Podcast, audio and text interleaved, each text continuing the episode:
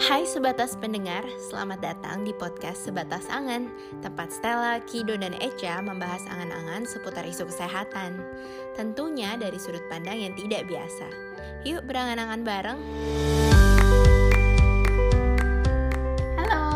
Hai hai, Halo semuanya.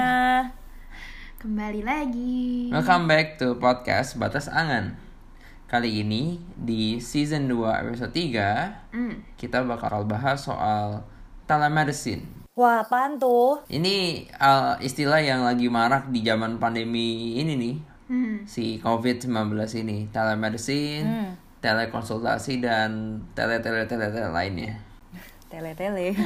Asal nggak bertele-tele ya. Iya, semoga nggak tele-tele ya Jadi kita itu eh, seperti episode lalu kita mengadakan survei ke teman-teman yang mayoritas non dokter ya. Hmm. Karena kalau yang dokter jadinya bias. Hasilnya gimana nih? Em, banyak dari responden kita tuh mengerti telemedicine eh, cuman sebatas konsultasi online dengan dokter lewat aplikasi Hmm. dan aku menjadi salah satu orang yang guilty of that sebenarnya Hmm, Oke. kenapa tuh, Cak? karena justru konsep itu baru baru kedengeran buat aku ini ya pas terakhir-terakhir ini justru yang pas makin banyak orang yang mulai ngomong oh ya em, memang ada konsultasi online Hmm, online hmm, lewat hmm. aplikasi tersebut gitu Hmm, dan hmm. nggak pernah dengar tuh sebelumnya bahwa Hmm. udah ada telemedicine itu an existing em, apa konsep lah Hmm. Em, di luar daripada online consultation doang itu.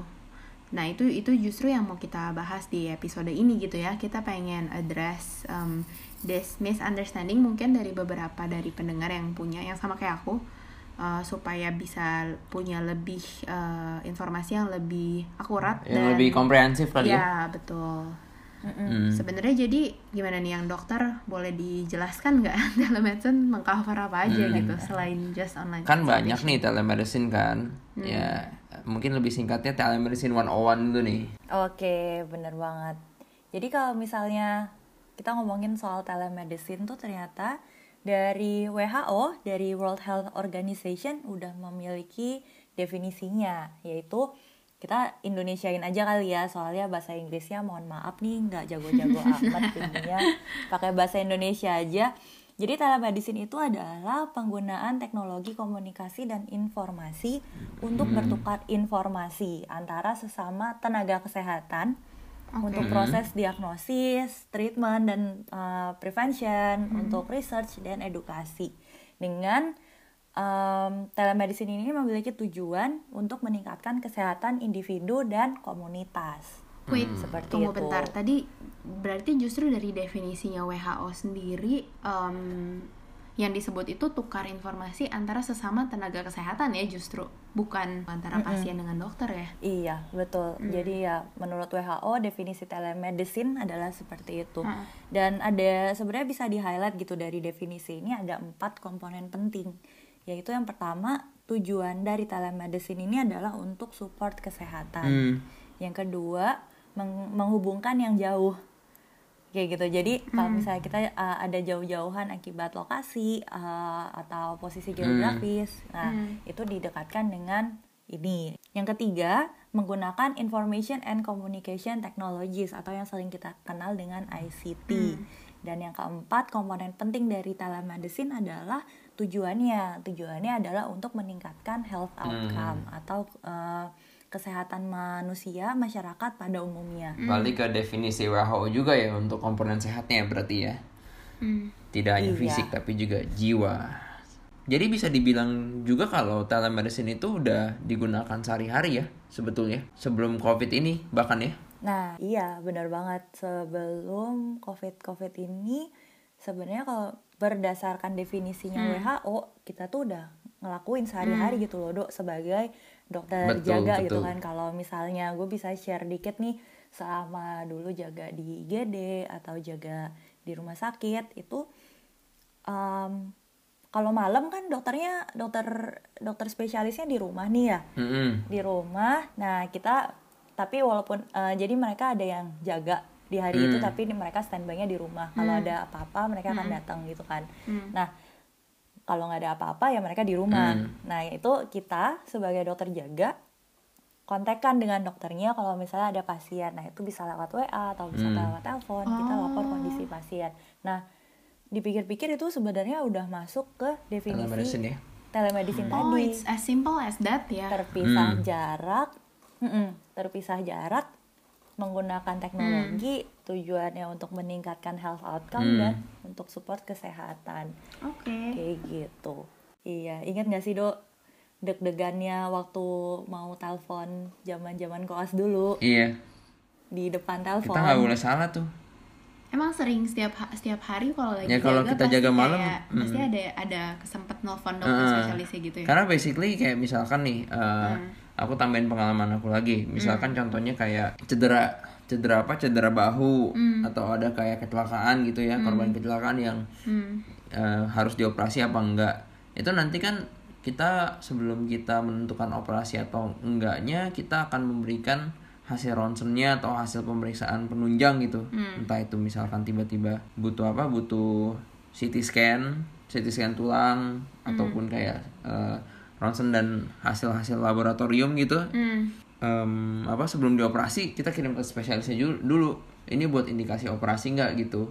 Jadi kita kirimin itu lewat WA atau kan kirimin lewat eh, email juga Oke. untuk kayak hasil hasil pemeriksaan penunjang ya untuk perlu nggak sih dioperasi malam ini karena kan kalau misalkan malam ini kan berarti mau ngomong kan harus siapin operasi kan Hmm.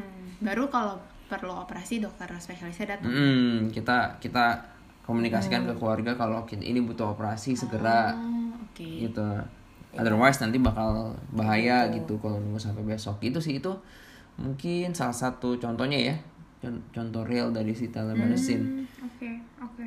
Hmm, kalau COVID ini memang gara-gara COVID banyak eh, banyak juga aplikasi-aplikasi juga sih, ya kan? Dan lebih booming gitu Hmm, justru gara-gara orang si baru COVID ini. orang-orang termasuk aku baru baru aware Hmm, gitu hmm. kayak nggak nggak kebayang bahwa sebelumnya even consultation kayak kamu lakukan gitu juga udah termasuk telemedicine Nah ya gitu yang di zaman covid ini yang ngetren adalah istilahnya telekonsultasi. oh Telekonsultasi. gitu. Jadi kita berkonsultasi dengan dokter, hubungan antara pasien dengan dokter, tapi Hmm. menggunakan alat elektronik, bisa video call, bisa Ya. chat atau bisa telepon, Hmm. itu seperti itu. Nah, tapi menariknya sebelum covid juga udah ada yang tadi udah Kido sebutin kan, ada beberapa aplikasi-aplikasi yang sudah melakukan hal tersebut, cuman nggak seintens sekarang ya?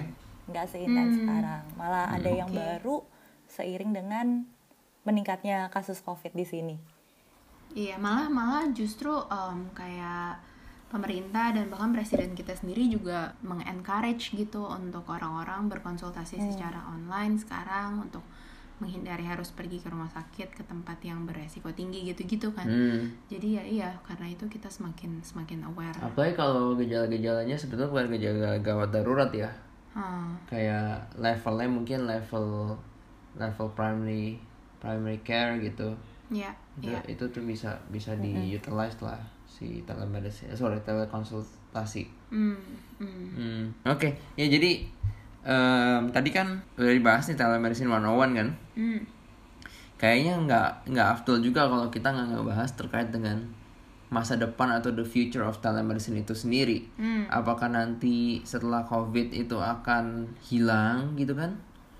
Atau tetap gitu, apa tetap sustain? atau malah menjadi new normal Hmm, ki- iya betul. Kita mau explore lebih lanjut soal soal itu ya. ya Hmm.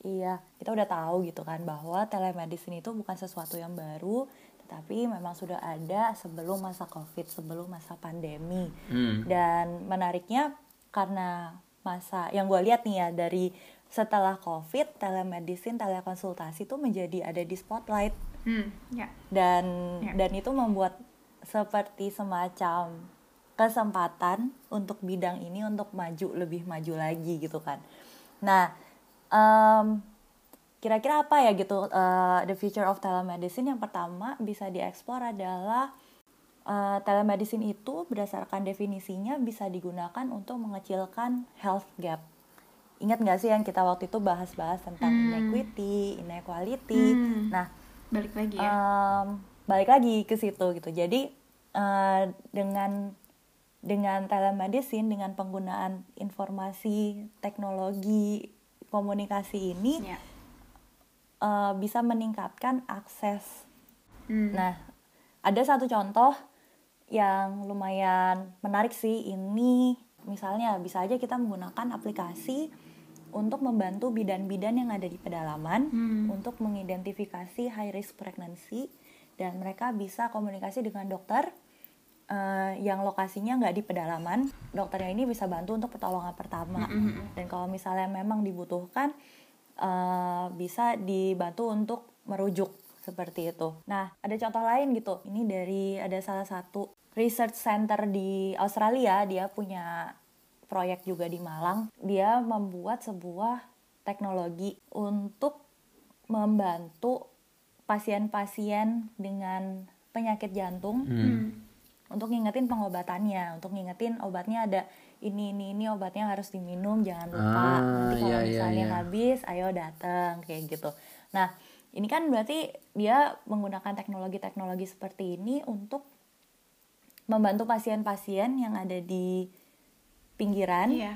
atau di daerah rural Indonesia untuk mendapatkan outcome kesehatan yang lebih baik Hmm. gitu. oke Terus ada lagi contoh yang keren nih menurut gue ada yang si surveillance app, jadi aplikasi untuk COVID, Hmm. tapi yang punya Australia oh gitu. Jadi di sini tuh diharapkan setiap orang yang punya handphone, kayak semua orang hampir punya handphone kan Mm-mm, sekarang mm-mm. pasti kayak punya handphone dan punya akses untuk internet. Nah itu tuh untuk download ada satu aplikasi untuk COVID, di mana kita jalan itu dinyalain aja gitu kan eh, aplikasinya. Nah it- kita tuh bisa diinformasiin gitu kalau misalnya oh kalian kamu tadi deket sama orang ini orang ini ternyata positif gitu.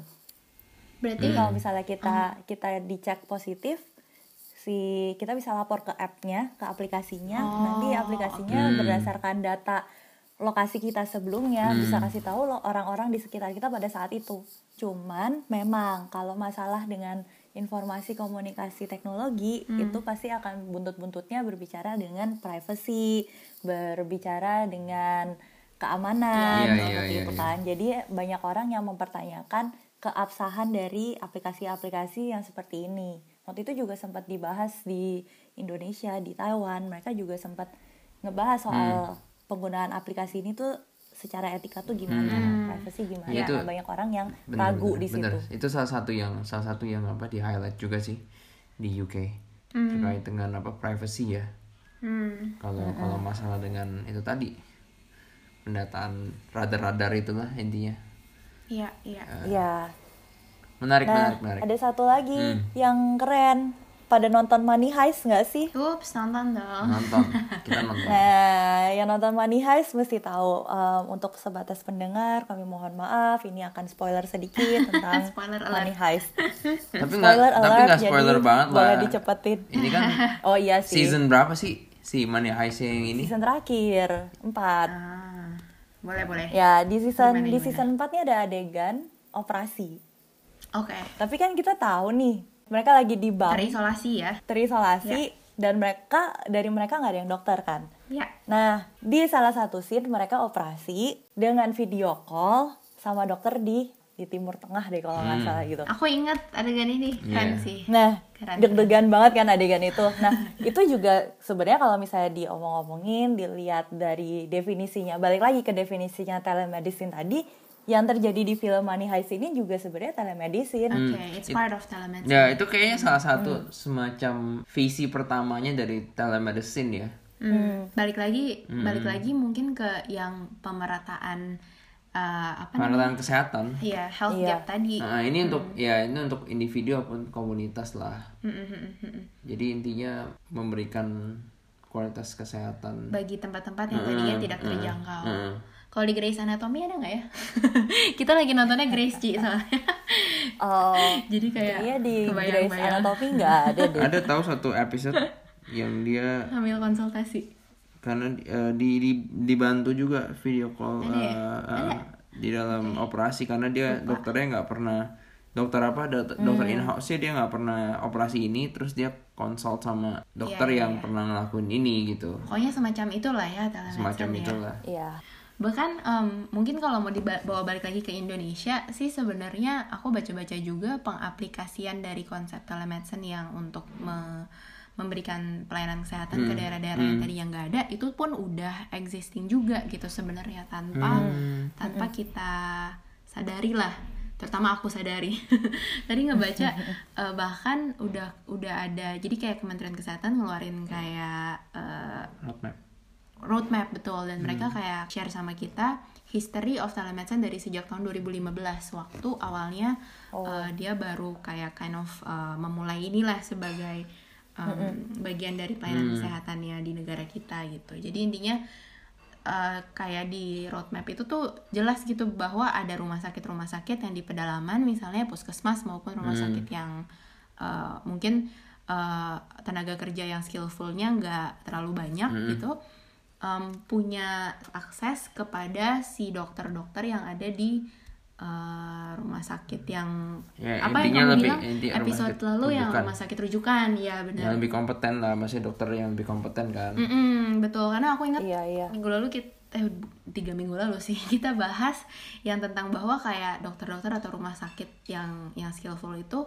mungkin mereka nggak punya that much insentif untuk pergi ke tempat pedalaman gitu kan Yeah. mengakibatkan kurangnya ada uh, pelayanan di daerah sana tapi bahkan dari uh, Kementerian Kesehatan kita sendiri tuh sebenarnya punya framework gitu untuk enable um, akses dari um, pelayanan kesehatan di tempat-tempat itu ke para pemberi pelayanan kesehatan yang lebih skillful di kota gitu menarik misalnya. sekali Dan itu udah dari 2015 dan kita bisa lihat dia punya perkembangan gitu dari tadinya cuman kayak empat rumah sakit seka- uh, tahun 2019 uh, 42 rumah sakit at least masih kecil sih jumlahnya tapi cuman kita kita memang punya harapan lah untuk hmm, mengarah ke Dan sana. bisa dibilang sebenarnya lumayan banyak kayak proyek-proyek kecil masih kayak Hmm, pilot study yang menggunakan teknologi. Tapi eh, diharapkan ke depannya ini kita kayak punya satu sistem informasi kesehatan melingkupi satu Indonesia. Wah itu itu udah itu sih Top itu banget sih top, keren banget itu. holistik Iya, iya. sekali sih sama komprehensif sih itu Heeh. harapannya begitu Jadi ya.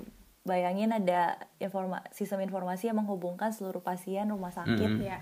di Indonesia dan datanya ke government juga ke rumah sakit iya itu keren banget sih kalau ada kayak gitu komunitas juga iya wah itu sih Mungkin tapi kendalanya salah satu yang mesti kita juga sembari lihat adalah infrastruktur sih. betul itu memang jadi salah satu hal lagi. yang utama karena tanpa infrastruktur tersebut ya kalau memang teknologi itu membutuhkan katakanlah jaringan internet lah Iya. as simple as that infrastruktur kan harus dibangun kan untuk internet Iya. Bukan cuma infrastruktur. Kita kita aja masih ngebangun jalan tol. Hmm. infrastruktur internetnya masih kapan? Ya, tapi anyway itu Ya. itu yang itu yang harusnya bisa membantu eh, menyukseskan telemedicine yang mengecilkan health, Health gap, gap. itulah. Mm-mm. Mm, tapi kalau dengar-dengar soal infrastruktur dan internet sih memang ada cerita-cerita lucu dari teman-teman kita yang susah sinyal ya di beberapa tempat ya do ya Oh gitu. Pas lagi kayak lagi kayak koas atau lagi intern gitu. Eh, lagi PTT Hmm, atau PTT ada yang lagi musa- misalkan internship. Nusantara Sehat itu kan Nusantara Sehat ke Hmm. kepencil tuh Ya ya bahkan masih banyak tempat yang nggak ada sinyal ya. dan dengar-dengar dia mesti ke bawah pohon gitu gak sih iya biar dapat sinyal bener-bener ya salah satu pendengar kita iya bener Hai oh ada special call out. nah jadi ya memang ya untuk mengecilkan health gap itu ya harus didukung dari sektor-sektor lain juga ya Ya balik lagi ke iya multisektoral multisektoral. Wah keren. Semuanya nyambung ya ternyata. emang Oke. Dan ada kalau kita bisa highlight lagi Hmm. di tentang the future of telemedicine. Jadi dengan adanya COVID kita sebagai tenaga kesehatan dari dan orang-orang dari sektor kesehatan menjadi tertantang Hmm. untuk mengeksplor platform ini dengan lebih baik lagi Hmm. gitu. Iya. Jadi kan bisa dibilang dia udah ada dari beberapa tahun yang lalu. WHO udah bikin definisi juga udah lama Iya. gitu kan. Hmm. Tapi baru menjadi ngetren sejak adanya pandemi ini karena kita kepaksa Ya. Hmm. untuk nggak bisa pergi ke rumah sakit Ya. makanya kita mencari pilihan lain untuk konsultasi dengan dokter yaitu Ya. dengan telekonsultasi. si telemedicine itu menjadi salah satu salah satu tindakan adaptasi gitu terkait dengan eh, pandemi ini kan Hmm. Hmm. itu dulu ada tapi orang nggak terlalu mengembangkan karena mungkin orang eh, merasa juga nggak terlalu membutuhkan Mm-mm. tapi once di kondisi seperti ini ternyata itu guna ya dan barulah orang-orang mulai mengembangkan itu dan berpikir mengeksplor lah kita bilang Hmm. Iya. Betul, kalau misalnya dibikin penelitiannya mungkin bisa dilihat health seeking behavior orang-orang sebelum dan setelah masa Hmm. pandemi bagaimana mereka memilih ke dokter atau mereka memilih ke melewati telekomuni eh telekonsultasi ya pasti akan nanti ada bedanya cuman belum nih belum dikerjain penelitiannya. Nah, menariknya karena di sini kalau sebelum Covid kan kita tahu kalau misalnya kita ke dokter biasa hubungan dokter dan pasien itu terjadi di antara klinik, rumah sakit Hmm, atau puskesmas kan. Iya. Eh, atau misalnya kayak kido ke rumah-rumah gitu. Hmm. Nah, kalau ini enak gitu kan, maksudnya gue merasakan hubungan dokter dan pasien yang ketemu tatap muka seperti itu Hmm. tuh kita kayak memiliki semacam benefit lah. bina raport kita ini bilang kita kalau kalau apa kalau dulu Ya, kalau kita belajar bina raport, kita bisa kenalan Hmm, dengan hmm, pasiennya, kita bisa tanya-tanya pasiennya, kita bisa membina relasi, lalu kita bisa periksa pegang pasiennya dengan dan tangan kita ini tuh menjadi salah satu alat diagnosis. Lalu kita kasih terapi yang sesuai untuk Hmm. pasiennya tersebut. Hmm. Iya. Dan kita tahu kalau misalnya eh, tindakan dokter tuh sebenarnya ada yang ngatur lah intinya kayak kita memiliki some kind of etika yaitu yang biasa kita istilahnya dengan bedside manner Hmm. yaitu bagaimana tindakan dokter yang sopan dan Iya. diterima oleh masyarakat saat berhadapan dengan pasien yang gentle lah itu kan seperti juga. itu yang gentle. Nah itu kan itu semua terjadi pada saat kita bertemu tatap muka dengan pasien. Tetapi sekarang yang menjadi pertanyaan adalah pada saat kita melakukan telekonsultasi dengan pasien. Hmm. Kebayang nggak sih? Benar-benar. Coba kalau misalnya dilihat dari survei yang kita kerjain, gimana tuh? Ada ada ada ada pandangan-pandangan tertentu nggak sih sama Hmm, mereka? dari survei yang kita kerjain tuh kita kan tanya juga kan seberapa percayakah gitu kan? Dengan telemedicine kita rating gitu dari 1 sampai 5 yang mana itu dari sangat tidak setuju atau sangat tidak nyaman terus sangat sangat nyaman gitu kan. Ratingnya sih masih netral ya tiga gitu jadi masih so-so aja. Iya tiga koma sekian sih jadi lebih ke positif. Jadi orang tuh eh, lebih condong ke oke percaya. oke lah. Oke lah masih oke gitu Oke. Nah, yang tadi kita sebut bedside manner pada saat kita ketemu pasien tatap muka muncul nih sekarang istilah baru. Emang Apa tuh orang-orang orang-orang tuh kreatif banget ya. Manusia itu memang sangat kreatif dan sangat pandai Hmm. dalam membuat istilah-istilah baru yaitu istilahnya adalah website manner. Website manner. Instead of bedside manner, ini website manner. Oke. Itu apa? Jadi eh sebenarnya intinya intinya sama gimana tindakan dokter yang sopan Hmm. diterima oleh masyarakat cuman karena ini melalui internet melalui video call misalnya Iya. nah ada yang harus di di adjust di sini. ya ada yang harus di adjust ya adjust di sini Hmm. gitu ada beberapa ya tentunya kita dalam ketemu pasien tatap muka kita pakai baju yang rapi Hmm. kita menggunakan kata- kata-kata yang sopan kita juga ya intinya segala yang the best we can do lah untuk Hmm. pasien. Nah ini website manner pun seperti itu. Hmm. kayak gitu. Dan ya tetaplah intinya uh, those kind of ethics Hmm. itu tetap harus dijunjung tinggi karena kita posisi sebagai dokter yang memiliki sumpah dokter. Hmm.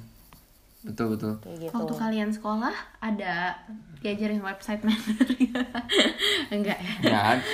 Nggak Ah, ada kita kita nggak diajarin website manner tapi kita diajarin WhatsApp manner WhatsApp? oh ya WhatsApp manner jadi kita diajarin gimana, Gimana? caranya kita itu sopan dalam eh, kayak teks gitu Oh ada WhatsApp manner. WhatsApp manner enggak WhatsApp itu pro WhatsApp. Oh, itu kata-kata itu kayak ilmu turun temurun gitu ya selamat pagi dokter Oh. Oke, seperti itu. Oh terus jadi inget deh yang waktu teman kita cerita itu. Hmm. Em, ini kan kita ngomongin manner dokter nih, tapi lucunya sebenarnya saat ketemu pasien online, teman kita yang dokter juga ada yang ada yang pernah cerita eh, justru pasiennya yang nggak bermanner gitu saat saat Waduh, online consultation. tuh? karena Terus Contohnya, kayak contohnya. hal-hal yang ditanyakan tapi bisa kayak aneh-aneh sampai seujung dunia gitu loh. hmm, ya, nggak tahu sih menurut aku memang em, pastinya sebagai profesional itu sebagai pekerjaan yang akan lebih diatur dokternya sih bukan pasiennya Iya sih betul betul dan si pasien kan nggak belajar any manner untuk Iya pasien. iya iya iya. Mana ada patient manner kan nggak ada ya. Bedside manner for patients kan nggak ada. Cuma pengalaman lucu aja gitu bahwa eh, udah gitu meskipun seperti itu si dokter masih tetap harus bermanner kan nggak Iya, bisa betul. nggak bisa Oh iya, selalu. bisa ngebales Betul. yang aneh. Itu kayak kita berada di posisi yang satu naik motor satu naik mobil yang salah satu naik motor gitu. Selalu eh naik salah naik mobil. mobil sorry sorry salah naik mobil yang salah mau gimana pun ceritanya gitu kan Iya. menarik. Iya, tapi jangan jangan khawatir. Hmm. Ini telemedicine yang terjadi di Indonesia menyikapi telemedicine ini nih dari pemerintah tuh udah ada undang-undang Hmm, di mana ada beberapa jadi dokter ini memiliki otoritas untuk perform uh, service kedokterannya melalui telemedicine itu termasuk dari anamnesa atau history taking Hmm, atau yang hmm. kita biasa istilahnya kayak tanya-tanya Hmm. pasiennya Hmm. riwayatnya pasiennya gimana yang termasuk di sananya ada eh, apa bu keluhannya di Hmm. sini Hmm. kenapa ke sini sejak kapan sakitnya gimana nah tanya-tanya seperti itu lalu yang kedua bisa melakukan eh, pemeriksaan fisik Hmm. tetapi cuman berdasarkan audio visual jadi Iya. kayak apa yang Hmm, kelihatan di hmm. video waktu video call gitu Hmm. Terus yang ketiga, eh, dokter bisa memberikan advice atau saran berdasarkan diagnosa yang tadi Yang ada di yang, yang diagnosa berdasarkan yang website mannernya itu ya. berdasarkan ya berdasarkan tadi yang anamnesa sama pemeriksaan Hmm. fisik yang kita lakukan sebelumnya dan eh, bisa memberikan kayak rekomendasi untuk pemeriksaan Hmm. lanjutan misalnya suruh periksa apa Hmm, lab hmm, atau hmm. ronsen atau apa seperti itu dokter juga boleh untuk mendiagnosa boleh memberikan terapi Hmm. dan boleh memberikan resep Oke. seperti itu dan juga satu lagi bisa memberikan surat keterangan dokter Hmm. atau surat untuk rujukan Oh. atau surat untuk pemeriksaan laboratorium lanjutan seperti itu. Hmm. Menarik sih. Jadi ini sebenarnya hal-hal yang eh, diatur oleh pemerintah Iya. yang Hmm. dokter bisa lakukan. Cuman kalau buat gua pribadi sih Hmm. em, pemeriksaan fisik tapi ngeliat doang kayaknya agak kurang kurang Gimana kurang gitu, afdol ya, kurang- kurang pas ya.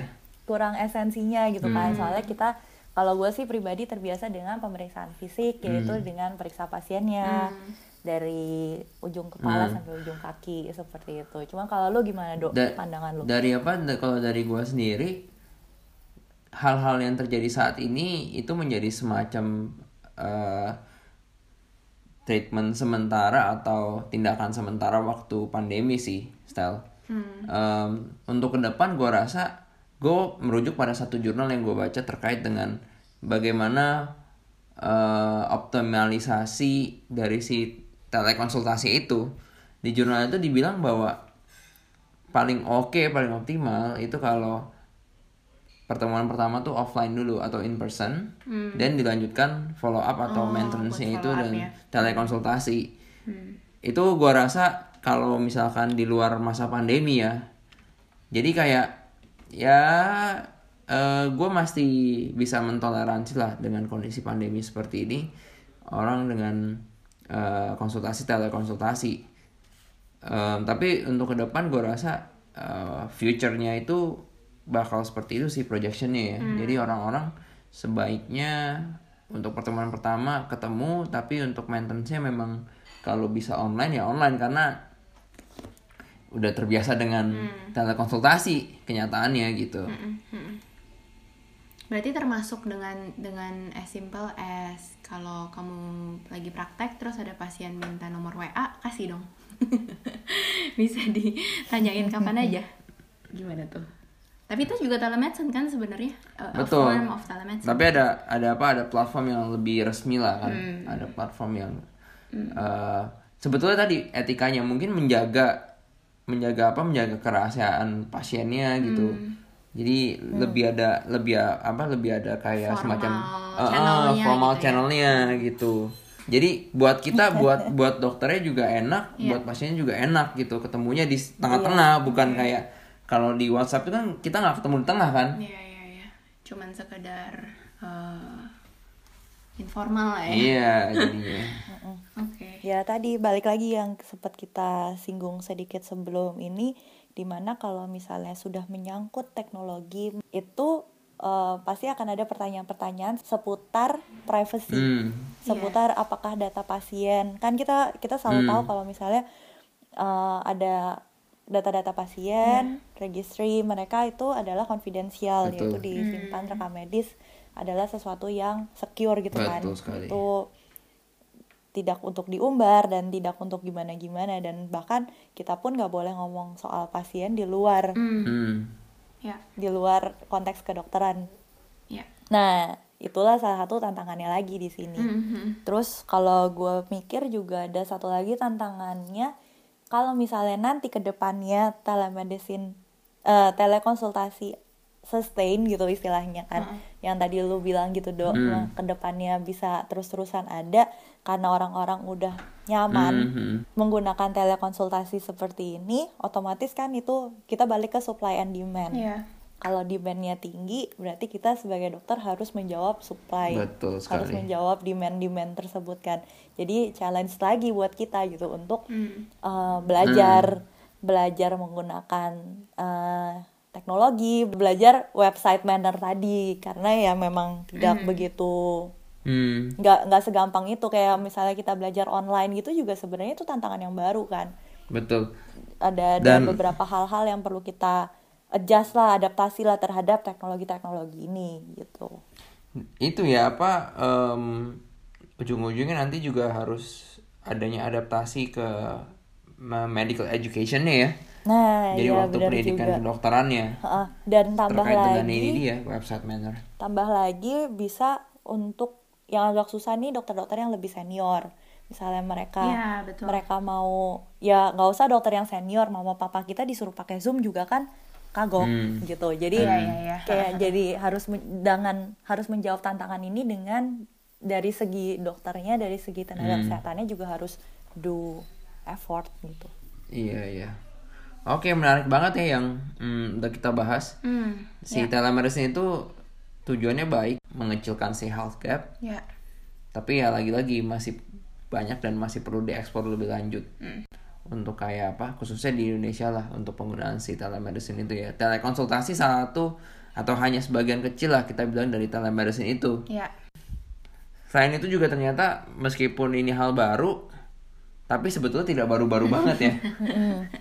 Karena ternyata memang eh, pemerintah sudah ada roadmapnya, Iya. lalu juga dari sisi Udah lima tahun sebenarnya Mhm. dari 2015. hmm, itu setelah BPJS ada tuh, Hmm. jadi makanya untuk mendukung sebetulnya. Hmm. Ya. Makanya kalau ngomongin rujukan tadi kan, Hmm, hmm, hmm. karena kan BPJS Sistemnya gitu Sistemnya ya. rujukan. Oh, oke. untuk mendukung. Oke, dan nggak perlu khawatir juga sebetulnya karena udah diatur agar Hmm, regulated ya. eh, agar regu- regulated sama dan tidak menyalahi kode etik kedokteran lah sebetulnya ya. Hmm. Ya. Eh, Oke, kayaknya cukup untuk episode kali ini. Oke. Tapi sebelum itu biasa take home message-nya. Apa take home message-nya? apa nih Yang pertama yaitu tadi telemedicine bukan hal baru. Selama ini kita pakai telemedicine ternyata Iya. bisa sama dokter dan itu nggak nggak apa nggak ke explore lah dulu. Iya. Sekarang baru lah tereksplor dan lebih maju lagi sekarang ke hubungan dokter pasien kan. bahkan kita sendiri sebagai pelaku telemedicine nggak sadar kalau itu adalah telemedicine ya nggak dok Mm, Iya. kalau gue sih jujur Betul. gue nggak sadar Iya betul. Sampai- Nggak sadar sih gue juga. ngehnya itu baru pas deket-deket ini Ya. Yang kedua, thanks to COVID, ada challenge baru juga buat eh, peradaban manusia ya. Hmm. Ya untuk mengembangkan telemedicine dan telekonsultasi itu sendiri lah agar sebetulnya lebih baik. Yang ketiga. ini yang paling penting nih. Tetap ujung-ujungnya telemedicine itu akan mengecilkan health gap yang nantinya sebetulnya kita berharap semuanya itu adalah equal. Jadi overcome masalah inequality sama inequity sih. Hmm, topik favorit kamu ya. Yo, balik lagi. Ujung-ujungnya kita yang ngomongin emang seperti itu. yang kita Oke deh. Iya memang Siap. bolak-baliknya mau Bolak-baliknya ke situ. lagi, inequality lagi kayak gitu. Iya. Ya namanya juga global health. Yoi. Alright, kalau begitu kita tutup. Oh iya iya jangan lupa kita juga kepengen nanya nih ke sebatas pendengar. Kira-kira setelah pandemi covid ini berakhir, kalian bakal pakai telekonsultasi Hmm. atau balik normal pergi ke dokter ketemu sama dokter Kido atau dokter Stella? Mantap pertanyaannya. Oh. Praktek di mana, Jadi- Dok? Habis itu. Hah? Praktek di mana? Praktek di mana? Oh ya nanti makanya email aja. nanti coba mungkin siapa yang mau eh, berdiskusi lebih lanjut soal ini atau mau ngobrol-ngobrol sama kita boleh langsung email ya Oke. ke email kita sebatasangan.podcast at gmail.com atau lengkapnya bisa lihat di description box Sip. seperti itu. Nah, semoga amanah ya yang kita berikan hari ini tentang telemedicine yang sama-sama membuka pengetahuan baru dan Ya. membuka mata lah istilahnya. Siap. Oke, kalau begitu. Sampai jumpa. Bye.